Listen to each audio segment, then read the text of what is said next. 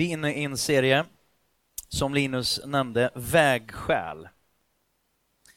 Och så sent som de sista hundra metrarna in i, och, och till Lederman här, jag har suttit på ett café under en, en stund på förmiddagen här och, och eh, liksom gått igenom och, och ja, men tagit tid själv. Jag tycker det är väldigt skönt att sitta och förbereda mig mitt bland folk på det sättet. Eh, I alla fall en del av, av förberedelsen så. Och så sent som de sista hundra metrarna in här så kände jag bara så här, gode gud. Hjälp mig och hjälp oss alla för att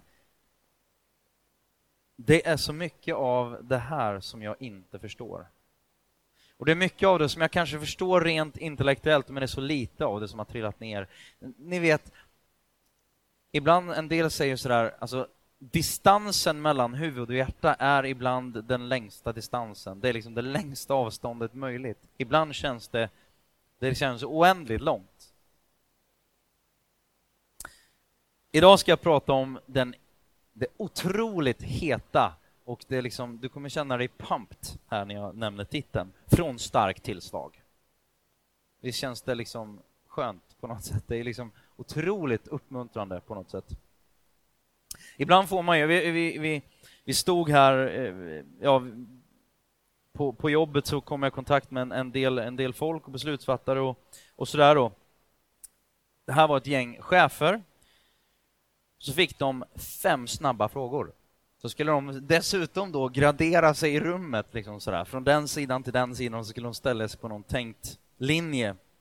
Det var inte de här frågorna, men om man på ett liknande sätt skulle ställa frågor till dig, där skulle någonstans vara liksom ena sidan och, och eh, helst och hemskt gärna eh, den ena sidan och så motpolen på den sidan. Om du skulle få de här fem frågorna, gradera dig på den sidan, välj framgång eller motgång.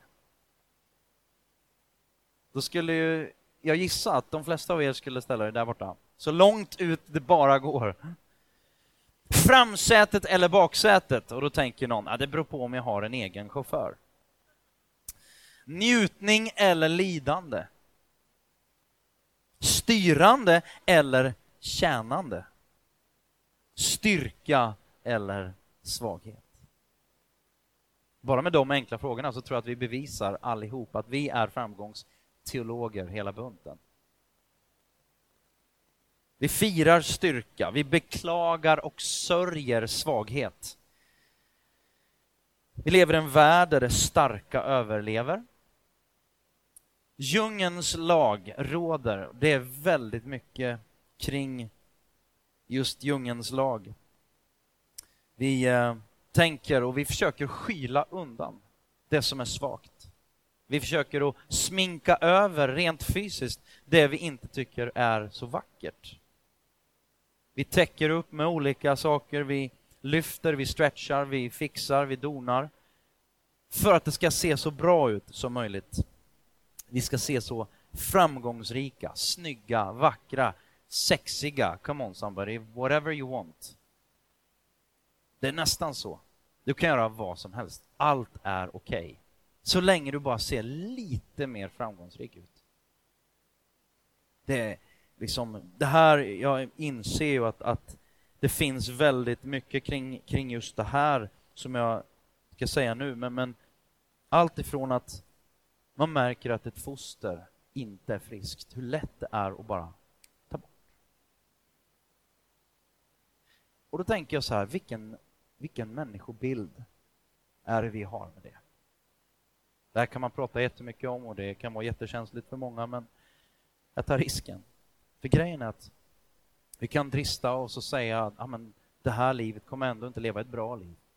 Inte ett framgångsrikt liv. Kommer inte att leva på det sättet som vi och så börjar den här, liksom, och jag bara menar att vi avslöjar, jag avslöjar min egen människobild.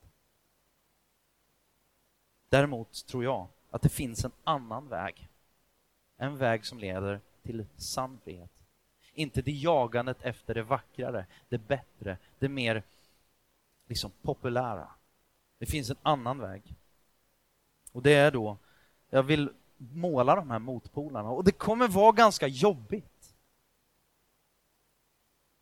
framgångens väg som vi bara älskar, som är så lätt att bara hänga på och vi alla förstår den, den sitter i våran ryggmärg. Och den här korsets väg som bara, det, det, det, det, bara, det går emot precis varenda fiber i min kropp. Och jag ska säga så idag, varför känner jag och vem predikar jag för främst idag? Det är faktiskt inte främst för dig, utan jag predikar främst för min egen skull. Ja, då kunde jag ju suttit hemma, men, men ni förstår, alltså det är så viktigt att jag förstår det här själv. Så jag predikar väldigt mycket till mig själv. Den första punkten jag vill lyfta fram, och det är illusionen om djungens lag. Det är en illusion. Vers 21 här nu då, det som Linus läste. Gud har nämligen i sin vishet ordnat det så att världen aldrig ska kunna finna Gud genom mänskligt skarpsinne. Därför grep Gud in och räddade dem som trodde på hans budskap. Det budskap som världen fann oförnuftigt och dåraktigt. För judarna är detta svårt att förstå eftersom de vill ha ett tecken från himlen som bevis för att det som predikas är sant. För grekerna är det inte heller lätt. De tror bara på det som överensstämmer med deras filosofi och alltså verkar förnuftigt enligt deras egen uppfattning. Jag tycker det här är lockrena beskrivningar av dig och mig. Vem är du av de här två? Djungens lag, den, de, de starkast, starkas överlevnad och, och, och det är bara så att i Guds rike, och det Bibeln lyfter fram, det är inte djungens lag som, som råder. Gud skapar, han bevisar hela tiden, han skapar ur ingenting. Eh, faktum är att han inte bara börjar på, på noll, han, han, han vill lägga sig på minus bara för att bevisa hur mäktig han är och hur stor han är. Vi kan ta några exempel, alltså bara hur dåraktigt det här är. Abraham och Sara, Gamla Testamentet, kanske någon av er har läst om, om dem. Och Gud han tänker så här, jag ska forma för mig själv ett så kallat egendomsfolk, ett folk som bara ska tillhöra mig. Varför börjar han från början för det första? Kunde han inte bara sagt You're mine? Bara till liksom, ja, så många som möjligt så slipper han vänta så länge. Men icke. Han börjar med en man och en kvinna. Och gissa vilka det här då? Abraham och Sara. Bara, vi väljer två unga, fräscha, riktiga champs. Vars liksom gener kommer bara få Guds folk att se amazing ut. Vilka väljer han? En 80-årig gubbe, nej, en 90-årig gubbe och en 80-årig tant. Som dessutom, för att inte säga liksom att moderlivet är ihopskrumpnat för många, många, många, många år sedan, dessutom under sina fertila år inte lyckats få barn. Det är liksom, det här är, det här är, här börjar vi. Gud bara, this is good. Det här är fröet för någonting fantastiskt. Han är dessutom avgudadyrkare, tänker inte alls på Gud liksom. Han kör sitt eget race och bara, ja, det är allmänt weird. Så, men till slut, då står det så här, när allt hopp var ute, då trodde Abraham. Han trodde fortfarande på att det Gud hade sagt, det skulle ske. När allt hopp var ute. Allt hopp var ute. Det var alltså 80 år. Kom tillbaka när du är 80 och se liksom hur fresh du känner dig om du överlever så länge. Mose. Ni kanske sett um, The Prince of Egypt. Spielbergs uh, ja, och, och Dreamworks animerade version och, och beskrivning av det här, då Gamla Testamentet. När Gud ska välja för sitt egendomsfolk, då, sitt eget folk, som sitter fast i Egypten, slavar i Egypten, så ska han välja, nu ska vi välja den här stora ledaren som ska leda Guds folk, eget folk ut ur Egypten. Då väljer han inte liksom bara vem som helst, utan han väljer en landsförvisad mördare som under sina första 40 år har levt och tänkt bara I am somebody. För att sen leva de kommande 40 åren och tänka I am absolutely nobody. Och sen väljer Gud honom och berättar för honom att jag kan göra, I can do lots of things, I can do everything with a nobody. Där är Gud någonstans en landsförvisad, kortstubinad mördare som är dessutom försagd och har svårt att prata inför folk. Honom väljer vi. Honom tycker jag, han ska få leda Guds folk ut ur Egypten. Gideon, en annan så här, i domarboken kan man läsa om honom. Återigen, Guds folk har satt sig i knipa och eh, Gud ska välja ut en, en, en, en befriare för Guds folk. Då väljer han ju den största, den bästa, den vackra. Nej, det gör han inte. Han går till den minsta klanen, eller liksom, vad säger man, tribe? Stammen. Eh, den minsta släkten i den minsta familjen. Och i den minsta, liksom minsta av allting, så hittar han någon som inte är ute på, på stridsfälten höjder och kämpar för frihet, utan han väljer någon som gömmer sig i vinpressen, för han är så rädd för fienden. Han, ja, han gömmer sig där. Och så är det lite, lite komiskt, för han kommer till Gideon och säger så här, du mäktige stridsman. Bara, va? Vem pratar du med? Det, det är ju liksom tomt här. Det är ju bara jag här. Ja, men det är det jag pratar om. Och så börjar han... Så det är på något sätt, Gud ser det som vi inte ser. Han ser lite längre. Och så inte nog med det då, utan han väljer ut Gideon. Så när han till slut då, Gideon, har lyckats ta sig ur sin självömkan och, och dratt ihop en armé på 30 000, något sånt tror jag det var, eh, eh, krigare, sådär rädda som, som få, alla de här krigarna, så tänker Gud, nej men det här är ju alldeles för lätt. Det är liksom, jag tror att om fienden var typ 100 000 och de är 30 000, då finns det ju ändå en chans. Så han tänker bara, nej men det är ju alldeles för mycket folk. Skicka hem de som är rädda. Ja, då lämnar 20 000, då är det 10 000 kvar. Eh, så Gideon, jaha, vad gör vi nu? Och så Gud säger, nej men det, det, det, är alldeles för många fortfarande. Och så slutar det med att det är 300 killar och, och, och 300 män kvar. Och med de här 300 så vinner de en, en överväldigande seger mot filisterna med Guds hjälp då naturligtvis. Och det fanns ju ingenting annat att göra än att bara säga det var inte vår förtjänst, det var Guds förtjänst. David, den här kungen som du kanske har talat om, Gud skulle välja en ny kung. Det var andra kungen i Israel överhuvudtaget och han skulle välja en kung efter sitt eget hjärta. Då väljer han inte den största, bästa, vackraste, inte då heller, utan en 70-årig rödroskindad drömmare och wannabe rockstar som inte var inbjuden när eh, profeten skulle komma och, och välja ut eh, vem, vem, liksom, vem, av dina söner, den här Isia då, någon av dina söner eh, ska vara kung. Jaha, tänkte han och tog alla sina söner dit utom David. För han var ju ändå en, bara en 70-årig liten tölp som ingen trodde på. Denna lilla kille då blev en av de största kungarna i världshistorien. Och till sist då, man kan dra många fler exempel, men till sist bara för att liksom, som pricket över in, över it, Guds slutliga segerplan.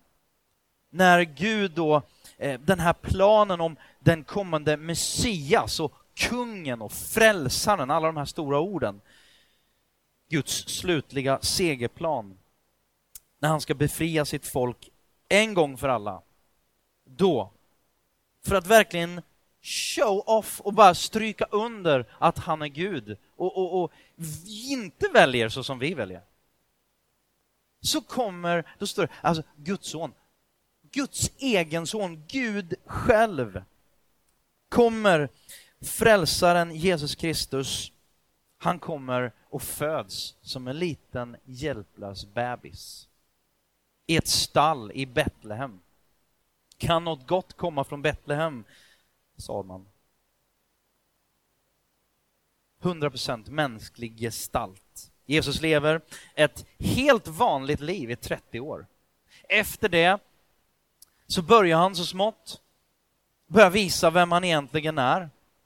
Och kanske framför allt vem Gud är och vem hans far är.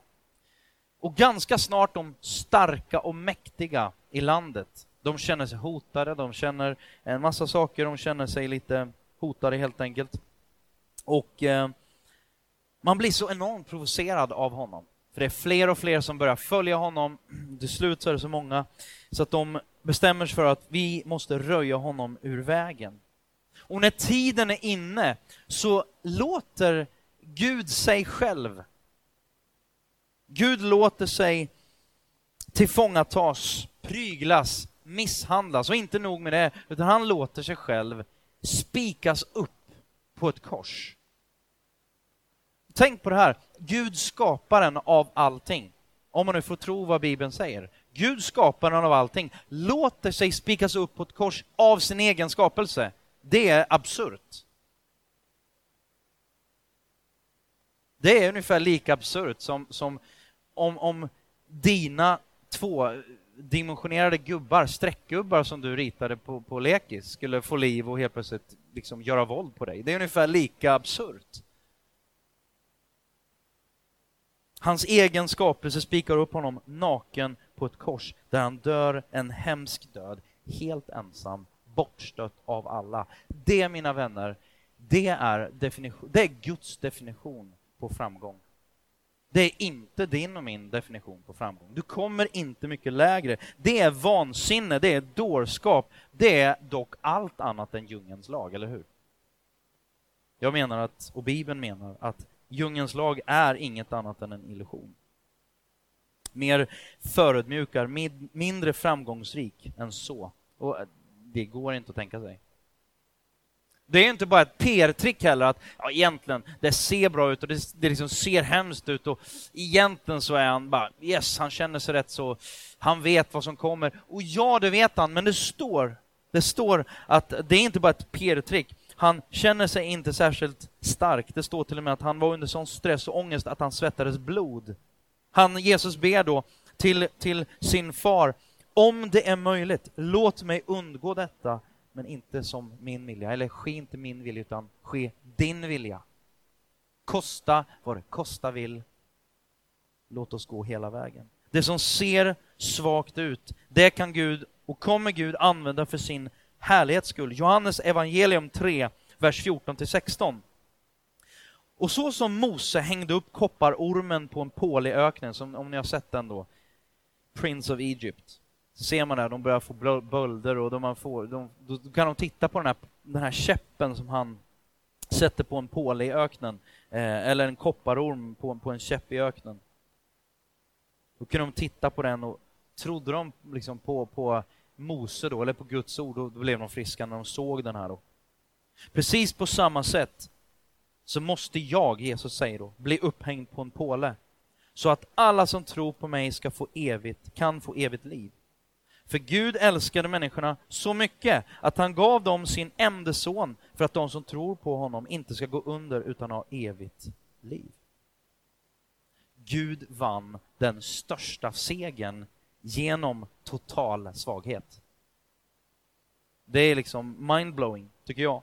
Om vi fortsätter då kring de här huvudverserna som vi har, har, har läst. Gud har nämligen i sin vishet ordnat det så att världen aldrig ska finna Gud genom mänskligt skarpsinne. Därför grep Gud in och räddade dem som trodde på hans budskap, det budskap som världen fann oförnuftigt och dåraktigt. För judarna är detta svårt att förstå, eftersom de vill ha tecken från himlen som bevis för att det, predikas, det som predikas är sant. För grekerna är inte heller lätt, de tror bara på det som överensstämmer med deras filosofi och alltså verkar förnuftigt enligt deras, enligt deras egen uppfattning. Därför tar judarna avstånd från budskapet om Kristus som har dött för att rädda dem och grekerna säger att allt sammans är nonsens. Återigen, vilka av dessa är du? Söker du tecken eller söker du bevis för att det ska vara förnuftigt eller enligt din egen uppfattning? Tänk om det är så. Att mitt i din svaghet, om du tänker på ditt liv, så tänker du på de områden i ditt liv. Här är jag verkligen svag. I de stunderna har jag verkligen känt mig utlämnad, ensam, svag, eländig. Tänk om det är så att det är de situationerna som du tror minst på av alla, när du känner dig som mest eländig, minst, minst produktiv, om det är som jag, då vill man bara säga, man vill känna sig produktiv hela tiden. Helst liksom även när man sover. Därför sover jag så lite som möjligt. Helt skruvat. Alltså det är ju makalöst. Vi fixar, trixar och filar och putsar. Tänk om det är så att just just de situationerna kommer Gud använda för sitt syfte. Kommer Gud använda för att ge en stor seger. När allt hopp var ute, då trodde Abraham. Och mycket av det jag vill säga idag handlar om att våga vara svag. Våga inte bara gå med djungens lag, utan med en annan lag. En nådens lag, en korsets väg, inte bara framgångens väg. Var inte rädd för svaghet. Först då, menar Bibeln, att du kan lära känna sann styrka. Villfarelsen om styrka då. Nästa punkt. Villfarelsen om styrka. Vers 27 31. Istället har Gud medvetet valt att använda sig av dem som inte har något att komma med. För att de människor som världen räknar med ska komma i skuggan. Han har valt en plan som världen ser ner på och förlöjligar just för att förbigå dem som tror att de är något. Ingen ska någonsin kunna skryta med något inför Gud, för det är, det är bara tack vare Gud som ni har liv i Kristus Jesus. Genom vår gemenskap med honom har vi tillgång till Guds egen vishet, rättfärdighet och helighet. Jesus offrade sig själv för oss och köpte oss därmed fria. Som skriften säger, om någon vill skryta så ska han bara skryta med vad Herren har gjort. Vi kämpar alla med olika typer av motgångar, olika typer av, av svagheter och vi strävar och gör allt för att få bort denna svaghet. Vi vill vara starka, friska, framgångsrika. Vi vill ha kontroll vi schemalägger, vi planerar, vi genomför och vi schemalägger, vi planerar och vi genomför. Vi vill ha stenkoll. Vi vill alla sitta i framsätet, inte i baksätet. Vi vill inte bara sitta i framsätet, vi vill sitta bakom ratten. Vi bestämmer.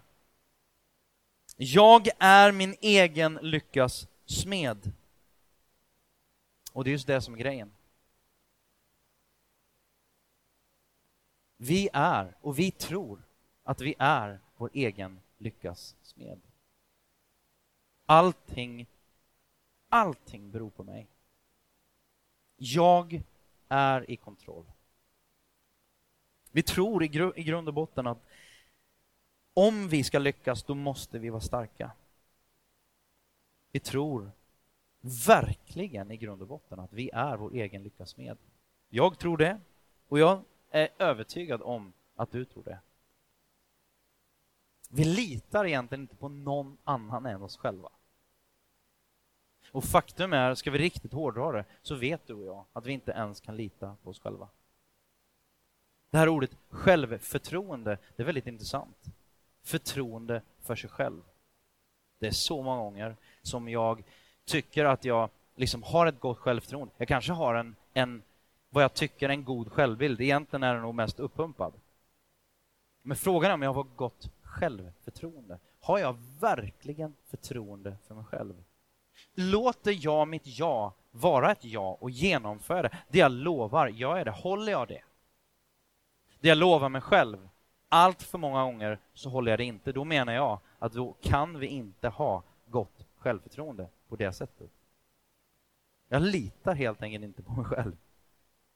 Vi vet ju allihop var gränsen går för att kunna lita på sig själv. Jag gör saker som jag inte önskar att jag gjorde. Det jag vill göra, det gör jag inte. Och det jag inte vill, det gör jag. Det låter ju helt sjukt. Och det är du och jag. Välkommen till kyrkan.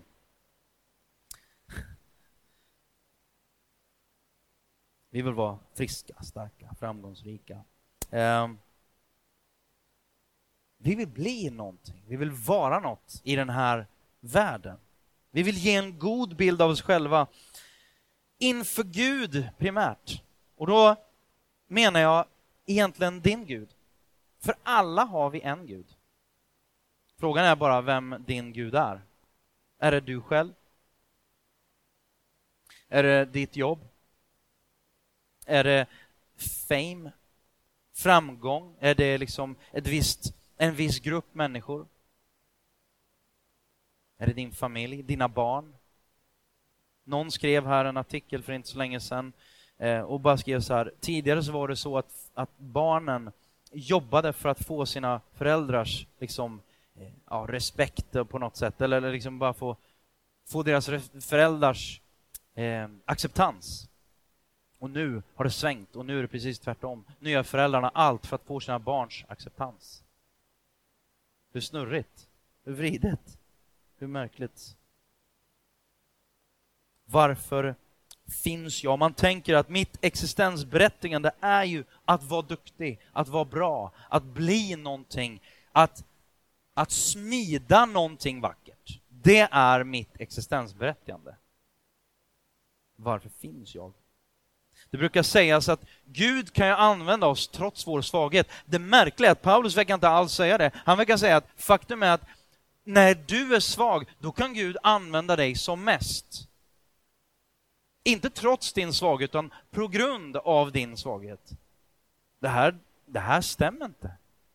Det här stämmer inte med vårt sätt att tänka. Paulus han skryter till och med med om att han inte får sin önskan och bön uppfylld. Att han får nej av Gud. Några verser innan det vi läste då. Och för att jag inte ska bli högmodig på grund av, alltså andra Korinthierbrevet 12 då, vers 7-9. För att jag inte ska bli högmodig på grund av dessa utomordentligt höga uppenbarelser har jag fått en törntagg i köttet, en satans ängel som slår mig i ansiktet för att jag inte ska förhäva mig, inte bli högmodig. Tre gånger bad jag att Herren skulle ta den ifrån mig, men han svarade mig, min nåd är nog för dig, ty kraften fullkomnas i svaghet. Därför vill jag hellre berömma mig om min svaghet, för att Kristi kraft ska vila över mig. Vi vill visa oss starka. Vi mediterar på hur jag inte ska göra bort mig. Och gör vi bort oss så mediterar vi på hur ska jag få revansch? Så är jag i alla fall. Men Gud så vänder han på det här. Med Gud så kan faktiskt din största styrka bli din absolut största svaghet. Och tvärtom, med Gud så kan din största svaghet bli till din absolut största fördel, största styrka. Om du sätter dig och sätter ditt hopp till Gud. Problemet är att vi sätter vårt hopp till vår egen smed, smedja. Vårt eget görande, vårt eget verk, vårt eget byggande. Varför är det så här? Jag tror att när vi tycker att vi är fantastiska, awesome och awesomeness-faktorn bara går upp och skjuter i höjden, vi tycker det själva, då är risken väldigt stor att vi hamnar i vägen för Gud. Jag tänker mig som en, ett barn med sin pappa. Pappa bygger, vi säger att han bygger ett hus och barnet får vara med. Gå och spika och hamra lite grann och få lite skruvar och muttrar och skruvmejsel och allt vad det är för någonting. Och skruvar ju och spikar ju och hamrar. Mest för syns skull. Och egentligen, pappa låter barnet vara med för att han vill umgås. En vacker bild. Men om barnet tar för stor plats, det är inte för att spara tid som han ber liksom lite billig arbetskraft. Förmodligen inte. Jag kommer ihåg, jag fick hjälpa, eller hjälpt, han har, ja, han har använt mig på många sätt kan man säga, men, men just eh, att hjälpa till. Jag kommer ihåg, vi grävde ur runt hela, liksom, ja, hela, hela huset som, där vi bodde och dränerade det. Två meter eller en och en halv eller vad det var för någonting. Två meter djupt skulle det vara. Och jag stod där med en liten så här, barnspade liksom. Och det, jag tyckte att jag var jätteviktig. Bara, får jag gå nu? Liksom, får, får, jag, får jag gå in nu? Bara, Nej, du får köra ett tag till. Det var ju, det var liksom bara, det var bara att köra på där och det var inte så att man gjorde mycket skillnad. Men jag fick vara med. Problemet är inte din svaghet, utan din villfarelse om styrka.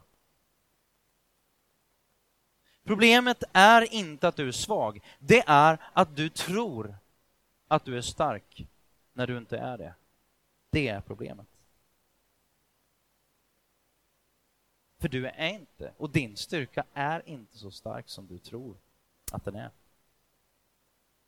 din förmåga att kontrollera din framtid är inte särskilt stor. Den är otroligt mycket mindre än vad du vill erkänna. Och du har nog kramp ibland för att den är så pass liten. Om vi lever med det här som vårt mål, jag ska kontrollera allt, jag ska styra och ställa, jag är min egen lyckas smed. Då har vi en villfarelse om vad vår styrka är.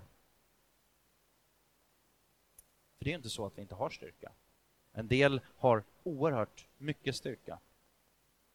Ibland så, på en del områden, så är jag alldeles för stark för mitt eget bästa. Där har Gud fått nöta ut mig, trötta ut mig för mitt eget bästa. Det vet jag om. Flera gånger så, så under mitt liv så vet jag att jag får gå igenom saker och ting. Så hade jag bara, hade jag kunnat släppa på den här styrkan, hade jag kunnat släppa på det jag själv tycker är en styrka då, så hade jag inte behövt gå igenom det jag fick gå igenom. Jag tror Linda som, har, som lever nära mig har sett det här många gånger. Ibland så bara, nej men det är ju som tåget, bara fortsätter. Och jag tycker att det är en styrka och Gud står bara och väntar på att när, när ska du komma till slutet av dig själv? Väldigt många väntar till dess och jag är en av dem. Väldigt många väntar tills man kommer till slutet av sig själv, när allting är brustet, när allting är kört, när, när sjukdomen, liksom, man står vid randen till, till, ja, till döden helt enkelt. Det är väldigt många som då ropar till Gud. När man inser att jag är inte särskilt stark. Alla dessa finansmän som hade sina pengar men Island där man, liksom, man var sin egen lyckas med, man tjänade hur mycket pengar som helst och en dag, ja men vindpust bara, så fanns ingenting. Finns, fanns ingenting kvar och den ena efter den andra begick självmord. Av dessa som levde bara high life och var någonting i den här världens ögon och var framgångsrika och lyckliga, allt det där föll på en dag så starka är vi. Vi förlitar oss på allting annat än Gud. Vad är det som gör att det är så svårt att tro Gud? Vi vågar inte vara svaga. Vi vågar inte ens tangera och, och, och liksom släppa kontrollen. Frågan är ju inte bara, vi har ju styrkor, vi har ju eh, färdigheter. En del är sjukt duktiga på det de gör och det är fantastiskt, det är en gåva. Men frågan är vad vi bygger på och vad vi skryter med och vad vårt motiv är och det vi förlitar oss på. Till exempel militärstrategiskt. Att känna till sina svagheter är lika viktigt, och ännu viktigare kanske, än att känna till sina styrkor. Många säger, historiker och strateger, militärstrateger säger, hade Hitler, hade han förstått sina svagheter, då hade han vunnit kriget. Problemet var inte att han inte kände till sina styrkor. Problemet var att han inte ville kännas vid sina svagheter. Det tycker jag är en väldigt bra bild av, av eh, något dåligt som hände. Som, som tur var, så kände han inte till sina svagheter. Han vill inte kännas vid. Han känner nog till dem egentligen. Vi känner nog till dem egentligen, men han ville inte kännas vid dem. Han ville inte ta ombord det. Vad kallas det? Jo, det kallas helt enkelt för högmod. Och i Bibeln står det att högmod går före framgång. Nej, det gör det inte. Högmod går före fall, står det. Låt din svaghet istället bli din största styrka. Det kallas för ödmjukhet.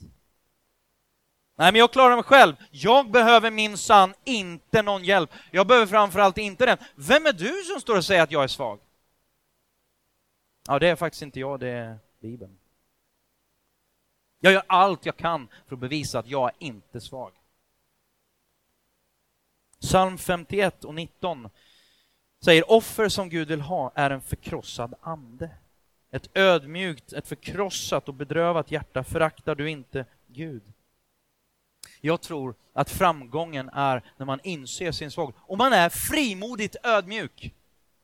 Gud vill inte att vi ska vara losers och gå omkring och bara slå oss själva på ryggen och bara åh vad dåliga vi är, åh vad dåliga vi är, åh vad dåliga vi är. Utan förmodligen bättre, Gud, vad vill du göra? Du är stark. Kan vi teama ihop? Offer som Gud vill ha. Det är en förkrossad ande, en ödmjukt hjärta. I många och de flesta reformerta och lutherska kyrkor och dess gudstjänster så har man, har man bekännelse och förlåtelse av synd. Alltså man bekänner sin synd, vad säger man, corporately, eh, tillsammans. Och så får man en, en, bara en påminnelse om Guds förlåtelse. Jag tror i grunden och grund och botten, det är ganska bra. Det är ganska bra att påminna sig själv om att jag är en syndare. Vi sitter alla i samma båt. Och sen är det också väldigt viktigt att få förstå och få påmint. Precis som jag säger, jag, jag predikar det här för mig själv. För jag har glömt bort det här. Och imorgon behöver jag egentligen höra den här predikan igen, för jag har glömt bort det. Jag behöver leva i det här. Och jag behöver nog höra både förstå, påminnas, jag är en syndare, men jag är också förlåten. Och jag behöver inte prestera någonting. Jag behöver inte... Så vi kommer att, att, att, att se mer av det i våra gudstjänster till hösten. Vi kommer att ha det i våra gudstjänster till hösten, för jag tror att det, det finns, finns väldigt viktiga bitar där. Paulus tycks säga till och med att ibland går vi igenom tuffa saker i livet. Detta så att vi inte ska förhäva oss, bli högmodiga och förlita oss på oss själva. Så att vi inte blir högmodiga. Andra Korinthierbrevet 12 och 7 där han säger för att jag inte ska bli högmodig. Däremot vill jag bara väldigt tydligt, kort säga, men i alla fall ha sagt det, att Gud ligger inte bakom livets alla svårigheter. Gud är en god Gud. Gud är ljus och inget mörker finns i honom. Men som en nära vän sa till mig, sa till flera vid ett tillfälle här i veckan, då det senaste året varit fyllt med ett antal stora personliga prövningar, sa så här, livet är orättvist, men Gud är inte skyldig oss någonting. För mig så är det, det är på något sätt, det är korsets väg. Gud begär inte att du ska vara glad eller liksom, åh tack Gud för att det hemska händer. Det, det, det är liksom, Gud gläds inte åt det. Gud gläds inte åt din svaghet. Gud gläds inte när det går åt skogen för dig. Eller när du går igenom jättetuffa bitar. Men han önskar att du och jag ska inse att det alltid håller att lita på honom. Det går alltid att kasta sig på honom. Det går alltid att stå på honom. Det går alltid att förlita sig och veta att det han säger, det är sant. Och i grund och botten, det här är fantastiska nyheter. Att han inte väljer de starka, de fantastiska. För vi vet, 60 procent av, av VDs, av eh, liksom verkställande direktörer för våra svenska bolag, 60 procent av våra VDs går omkring med en känsla av och funderar, jag räcker inte till. När ska styrelsen, när ska aktieägarna, när ska de komma på mig att jag inte har det som krävs? 60 procent, fler och mer än hälften. Tänk att leva med det kontra att leva med jag har valt dig. Inte för att du är awesome, men tillsammans kan det här vi gör tillsammans bli awesome. Oerhört stor skillnad. Du behöver inte vara bäst, störst och vackrast. Du behöver inte pumpa upp dig själv, ditt ega, egna personliga varumärke, ego. Du behöver inte fixa, lyfta, operera, se lagad ut, fixad, trixad. Utan Gud kommer använda det som är brustet. Det som är icke komplett, precis som du och jag. Kort vill jag gå ner på landning. Egentligen säga det jag redan sagt, men summera. När jag är svag, då är jag stark. De här orden som Paulus säger, min nåd är nog för dig. Ty kraften fullkomnas i svaghet. Därför vill jag hellre berömma mig av min svaghet, för att Kristi kraft ska vila över mig. Så glädjer jag mig över min svaghet, misshandel, nöd, över förföljelse, ångest, eftersom det sker för Kristus. Ty när jag är svag, då, jag är, då är jag stark. Gud är inte någon slags pervers slavdrivare som som sagt då gläder sig när det går åt skogen, när det är svaghet, misshandel, nöd. Absolut inte. Men jag säger och det jag inser och tror att Bibeln säger att Gud kan vända vår svaghet till någonting otroligt fantastiskt stort och vackert. Jag tänker att, och när jag ser det så ser jag i Guds ord, han vänder alltid allting till vår vinst, men också hans härlighet. Alltid de här två. Inte bara för att du och jag, liksom våran definition av vinst, utan till hans härlighet. När vi kommer till slutet av oss själva, då ger vi Gud utrymme. Tänk om vi skulle, istället för att kämpa emot, tänk om vi istället för att kämpa emot skulle tillåta Gud göra det där verket och få plats i oss innan liksom vi står, vi, vi är på randen av, av liksom oändligheten.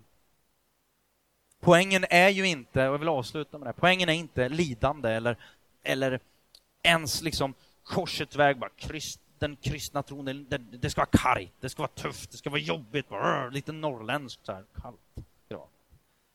Det är ju inte poängen. Vad är poängen? Nu kommer vi till poängen. Filipperbud 3.8. Jag räknar allt som förlust. Allt det där fantastiska som jag har lärt mig kan min awesomeness. Jag räknar det som förlust, därför att jag har funnit det som är långt mer värt. Kunskapen om Kristus Jesus, min Herre. För hans skull har jag förlorat allt och räknar det som avskräd för att jag ska vinna Kristus. Vad är det jag säger? Jo, Paulus här, han är beredd att förlora allt. Han är beredd att förlora allt, för han inser att han har funnit det som är långt mer värt. Och om du ska ta upp det där som är långt mer värt, då kan du inte ha dina händer fulla med en massa annat trams som du tycker är fantastiskt. Och vet du vad jag kallar det här? Det här kallar jag definitionen av fullständig frihet. Du förlitar inte längre på ditt bankkonto på Island. Eller din karriär på ditt bolag. Eller på liksom hälsan i din familj, hur viktig och central den än är. Men vad förlitar du dig på? Du, om du är som Paulus, då kan du förlora allt. Då kan du förlora allt och ändå vara satisfied, ändå vara fylld, ändå vara tacksam.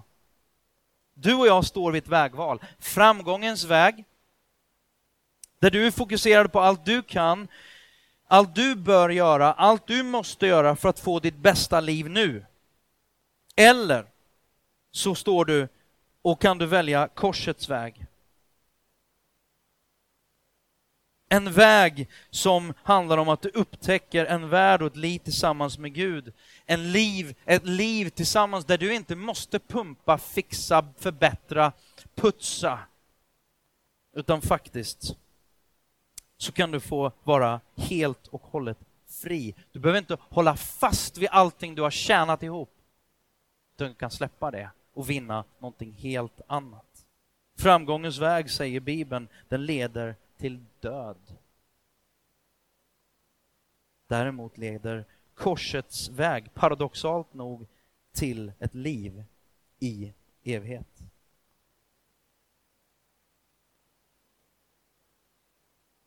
Här är vägvalet som vi alla står inför. Vägvalet som, som kantar egentligen. Det handlar inte om bara, ja men nu har jag valt en gång, utan det är någonting som jag hoppas provocerar, hoppas gör att du behöver reflektera och någonting som kommer följa med dig den här veckan, den här sommaren, den här hösten. När vi, när vi bygger, vi önskar ju eh, bygga en, en, en församling, en, en gemenskap som ja, jag skulle önska att den präglas av det här. Där vi inte fixar, trixar när man kommer, måste se ut på ett visst sätt, det måste vara på ett visst sätt, utan att även vår gemenskap skulle få präglas av det här. Då tror jag Att vi kan vara oerhört starka tillsammans. Och så finns det en, en, en helt, eh, som jag får ta en annan gång, en annan undervisning eh, som går i linje med det, när vi delar livet och varandras svagheter. Tack för att ni har lyssnat. Jag vill avsluta med att be.